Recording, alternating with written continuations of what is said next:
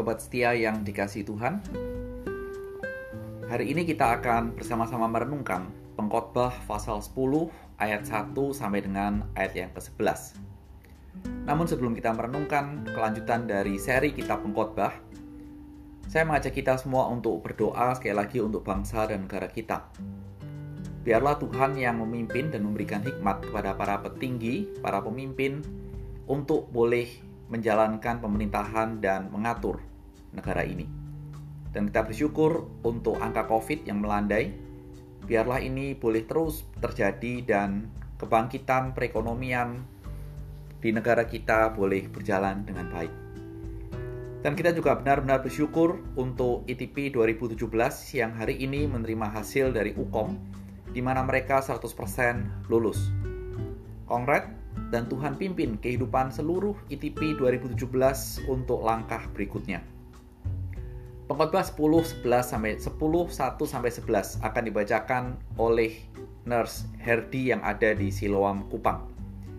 Terima kasih untuk support bagi pelayanan SS Podcast. Kiranya Tuhan memberkati pekerjaanmu sebagai nurse di sana dan juga memelihara keluargamu. Tema kita adalah bodohkah kita?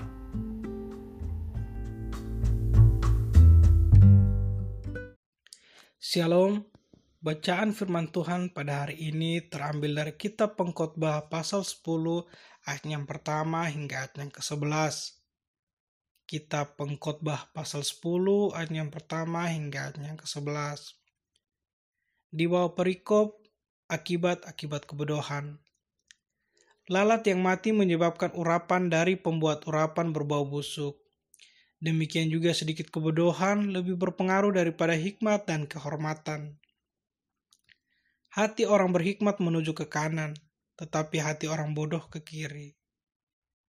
Juga kalau ia berjalan di lorong orang bodoh itu tumpul pikirannya, dan ia berkata kepada setiap orang, orang itu bodoh. Jika amarah penguasa menimpa engkau, janganlah meninggalkan tempatmu, karena kesabaran mencegah kesalahan-kesalahan besar ada satu kejahatan yang kulihat di bawah matahari sebagai kekilafan yang berasal dari seorang penguasa. Pada banyak tempat yang tinggi didudukan orang bodoh, sedangkan di tempat yang rendah diduduki orang kaya. Aku melihat budak-budak menunggang kuda dan pembesar-pembesar berjalan kaki seperti budak-budak. Barang siapa menggali lubang, ia akan jatuh ke dalamnya. Barang siapa mendobrak tembok, akan dipangut ular Barang siapa memecah batu akan dilukainya, barang siapa membelah kayu akan dibahayakannya. Jika besi menjadi tumpul dan tidak diasah, maka orang harus memperbesar tenaga, tetapi yang terpenting untuk berhasil adalah hikmat.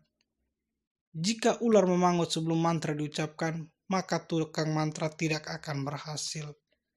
Demikian jauh pembacaan firman Tuhan bagi kita semua. Shalom.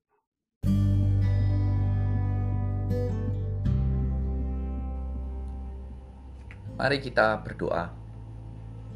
Tuhan Yesus, kami ingin firman-Mu sekali lagi menerangi pikiran kami yang sering menjadi andalan dan kekuatan dalam hidup ini untuk menghadapi berbagai macam pergumulan.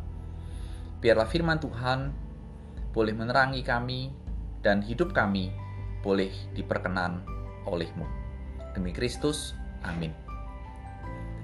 Sobat setia, dalam pengalaman kehidupan kita, pernahkah teman kita, entah dalam konteks bercanda atau dalam konteks biasa atau mungkin dalam keseriusannya mengucapkan sebuah kalimat yang menunjukkan bahwa kita ini orang bodoh. Misalnya, masa begitu saja tidak bisa atau tidak tahu? Bodoh sekali kau rupanya. Mungkin kalimatnya seperti itu. Dalam pengalaman hidup saya tidak hanya sekali hal itu terjadi, dan definisi bodoh adalah sesuatu yang tidak bisa kita ketahui atau tidak bisa kita lakukan. Dan untuk menghindari atau menunjukkan bahwa saya bisa, saya bukan orang bodoh. Seringkali kita belajar dan berusaha untuk supaya kita tidak terlihat bodoh. Dalam nats kita, beberapa kali kata bodoh itu muncul. Dan kata bodoh ini dalam bagian ini dikontraskan dengan kata hikmat dan mari kita teliti bagian ini. Ketika kita melihat kontras antara bodoh dan hikmat, yang paling mencolok adalah ada di ayat 2, bahwa dikatakan jalan orang bodoh dan jalan orang berhikmat itu bertolak belakang. Artinya, arah dan tujuan dari kehidupan orang bodoh dan kehidupan orang berhikmat itu 100% berbeda. Dan kalau ditanya, apa sih kira-kira bedanya? Kira-kira apa jawaban kita? Bila pertanyaan itu sampai dan kita perlu menjawab, saya akan menjawab berdasarkan apa yang tertulis juga di dalam Alkitab. Di Efesus 5 ayat 17 dikatakan sebab itu janganlah kamu bodoh, tetapi usahakanlah supaya kamu mengerti kehendak Tuhan. Jadi ini menjadi sebuah jawaban dan yang akan kita uraikan untuk menjawab pertanyaan di atas untuk menjadi sebuah pegangan dalam kehidupan kita. Tapi mari terlebih dahulu kita lihat sedikit latar belakang dari kota Efesus. Jemaat Efesus adalah jemaat yang hidup di daerah atau kota metropolitan. Ibaratnya kotanya itu besar, seperti Jakarta, Surabaya, atau kota-kota lain yang ada di Indonesia. Semua yang berkaitan dengan mata dan nafsu manusia, ibaratnya tersedia. Tinggal pilih. Dan tidak sedikit orang yang tergoda untuk menikmati semua yang disajikan atau yang ada di kota metropolitan itu. Kalau di Jakarta, misalnya kehidupan bebas tinggal bersama seorang laki-laki dan perempuan sebelum menikah, ibaratnya adalah siapa yang peduli, siapa yang ngurus. Tetangga kiri, kanan, kemungkinan besar cuek dan terserah. Apalagi tempat seperti apartemen. Yang tertutup, yang relasi satu dengan yang lain ibaratnya sulit terjadi, dan itulah realita. Dan kalau kita berjudi pun, memuaskan segala nafsu. Mungkin sekarang ini orang berpikir itu hidupmu, itu uangmu, dan bukan hidupku. Inilah kira-kira yang menjelaskan definisi bodoh dari Efesus 5 ayat 17. Lalu ketika kita tidak mau hidup bodoh, apakah yang akan menjadi pertanyaan selanjutnya? Kalau kita tidak mau hidup bodoh, lalu apa artinya? Apa yang harus saya lakukan? Kita tidak mau hidup bodoh karena kebodohan itu akan membawa pasti kepada sebuah penyesalan yang tiada taranya. Dan kita tidak mau hidup seperti itu. Sehingga kontras dari bodoh ketika dikatakan hidup dalam kehendak Allah, inilah yang harus menjadi sebuah pemikiran kita.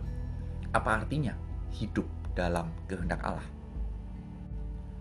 Sobat setia, kehendak Allah bagi kehidupan kita merupakan sebuah tema di Alkitab yang sering kali dibahas dan ini tema yang besar.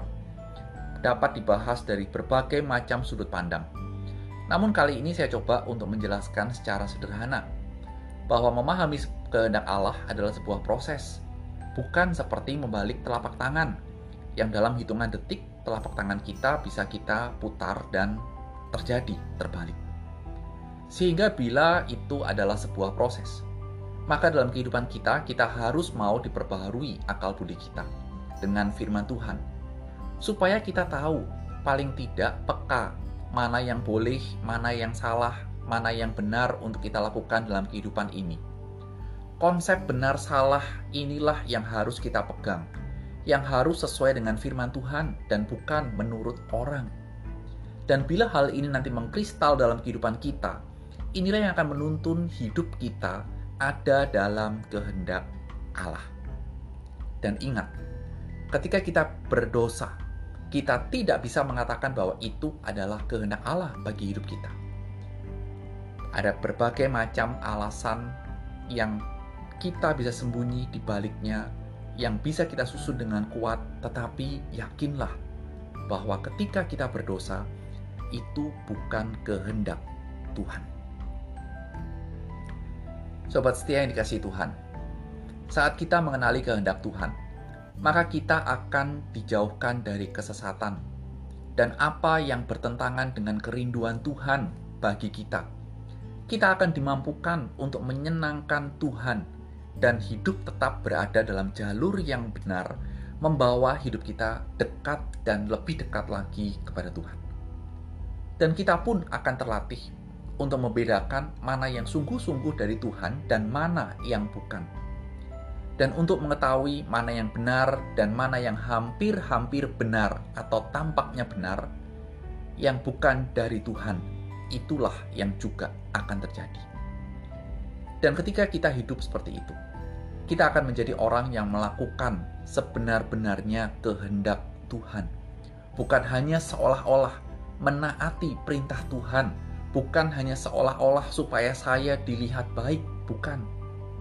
Dan puncak dari semuanya ini, kita akan mendengar Tuhan berkata kepada kita, Baik sekali perbuatanmu, hai hambaku yang baik dan setia. Masuklah dan turutlah dalam kebahagiaan Tuhan. Sobat setia, hari ini inilah perenungan kita. Dan hari ini, mari kita jawab pertanyaan dari tema kita. Bodohkah kita? Selamat menjawab, selamat menikmati akhir, akhir pekan, dan selamat menikmati hari Jumat dan doakan pelayanan saya di Christ Chapel Kupang tanggal 3 Oktober minggu ini. Kiranya Tuhan memberkati kita semua. Amin.